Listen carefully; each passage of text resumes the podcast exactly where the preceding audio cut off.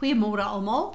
Voorwaar is Oktober die mooiste mooiste maand wat daar is en as ek by die venster uitkyk en ek sien hierdie pragtige lowergroen grasperk en die bome en die boontjie eh, die windjie wat so ritsel, dan weet ons hierdie is alles deel van God se goedheid en van sy bederf vir ons elke dag.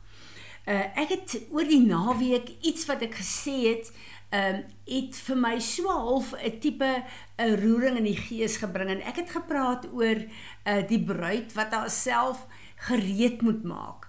En uh dit is ons opdrag om dit te doen. Daar's iets wat ek en jy moet doen in hierdie opsig.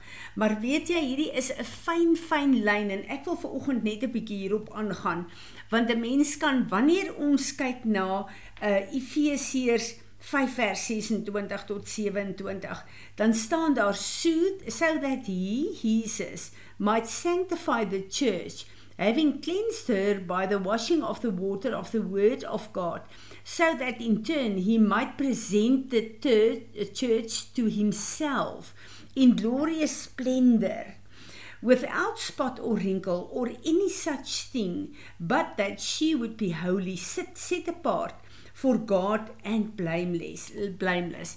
Wanneer ons daarmee kyk daarna kyk, is dit groot opgewondenheid. Maar die vyand kom dadelik en sê vir ons ja, maar jy weet hoe lyk jy? Jy's nie sonder vlek of rimpel nie. Jy weet hoeveel probleme het jy nog in jou lewe. En baie keer dan bring ons dit op uh dit ons op 'n plek van moedeloosheid. En ek wil ver oggend net na dit wat die Here hier sê, bietjie inkyk. Wat is die plek wat ek en jy as bruid verantwoordelikheid moet neem om onsself gebreed te maak vir ons bruidegom wat ons kom haal? In die heel eerste plek ons wedergeboorte. Die oomblik as ons wedergebore is, dan hou ons op om te lewe vir onsself. Dan is die hou vas van hierdie sondige stelsel en die vyand oor in ons lewe. Daai oomblik het Jesus ons teruggekoop uh, as sy eiendom, dan behoort ons nie meer aan onsself of aan die wêreld nie, maar dan behoort ons aan hom. So dit wat ek en jy doen om Jesus op 'n plek te kry om ons sonder vlek of rimpel te kry, is in die heel eerste plek ons wedergeboorte want daardie transaksie is 'n transaksie wat alles uh oorbrug waar ek en jy so probeer om goed te wees en reg te wees en reg te lewe.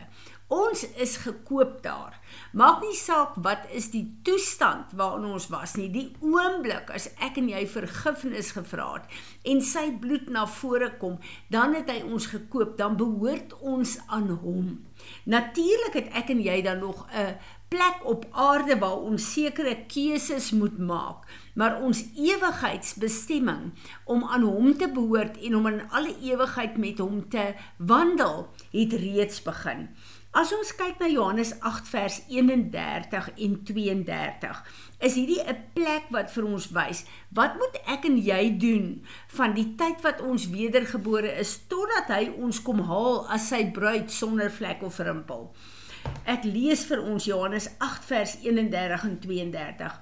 So Jesus was saying to the Jews who had believed him, if you abide in my word continually, obeying my teachings and living in accordance with them, then you are truly my disciples and you will know the truth regarding salvation and the truth will set you free from the penalty of sin. Hier kom Jesus en hy praat met die Jode wat nou besluit het hulle gaan nou uit die uh, Judaïsme uitkom. Hulle gaan hom glo en hulle gaan hom volg. Kom hy en hy sê Al wat julle nou moet doen is julle moet in my woord, julle moet my woord gehoorsaam, julle moet die leringe van my woord moet julle toepas in julle lewe. Julle lewens moet lyk soos my woord vir julle sê, want dan is julle regtig my disippels.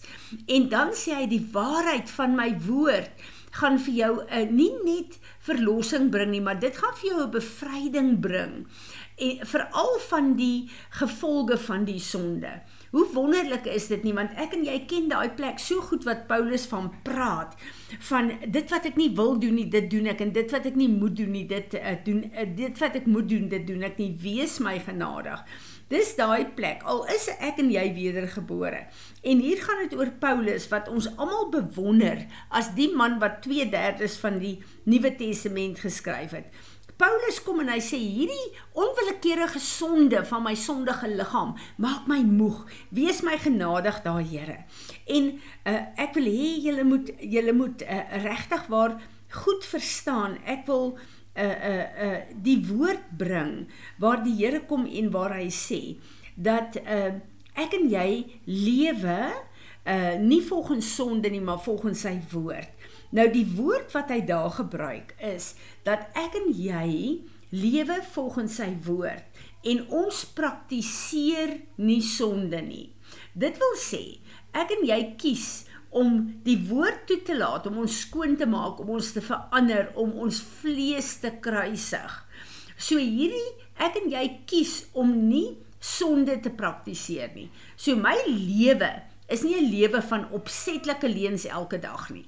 Natuurlik, hier en daar vertel ons 'n wit leentjie. Dis sonde wat ons moet bely, maar dit verwyder ons nie van God nie want ons praktiseer nie, ons is nie leenaars nie.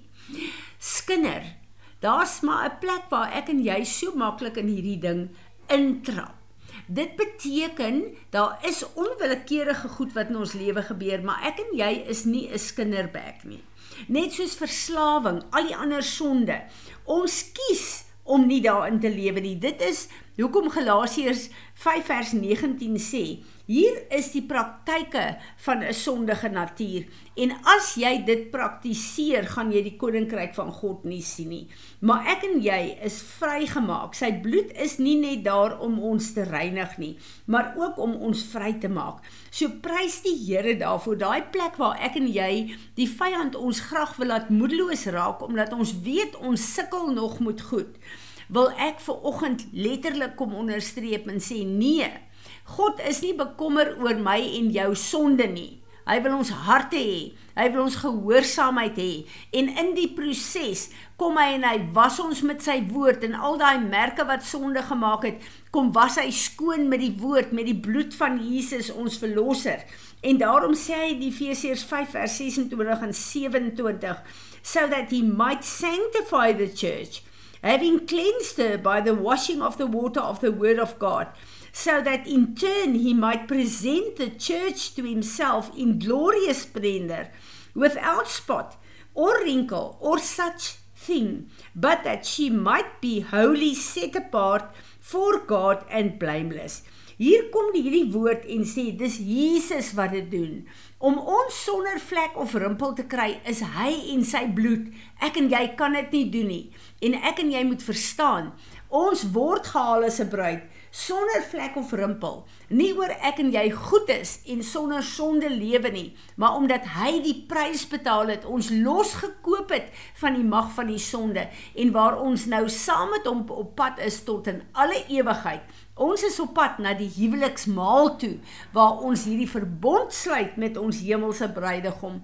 Maar die verkeerde goed wat ons van tyd tot tyd doen, het ons die gawe van repentance en al hoe meer en meer begin ons 'n lewe van heiligheid lewe. En prys die Here, daar's goed wat ek en jy verlede jaar mee gesukkel het wat ons vir hierdie jaar nie mee sukkel nie.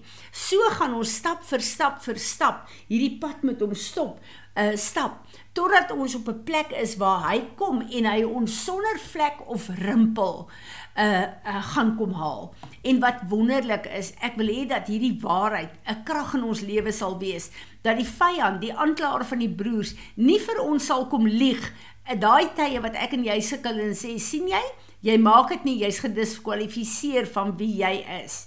Ek kwalifiseer myself nie, jy kwalifiseer jou nie. Dis Jesus, ons hemelse bruidegom, ons verlosser wat ons reeds gekwalifiseer het. Amen. Here Jesus, ons wil net kom met 'n opgewonde, afhanklike dankbaarheid en vir U dankie sê dat U ons kom terugkoop het dat ons aan U behoort tot in alle ewigheid. En ons is opgewonde wanneer daai ramshoring blaas en U ons kom haal sodat ons vir alle ewigheid saam met U gaan regeer. Word verheerlik. Amen.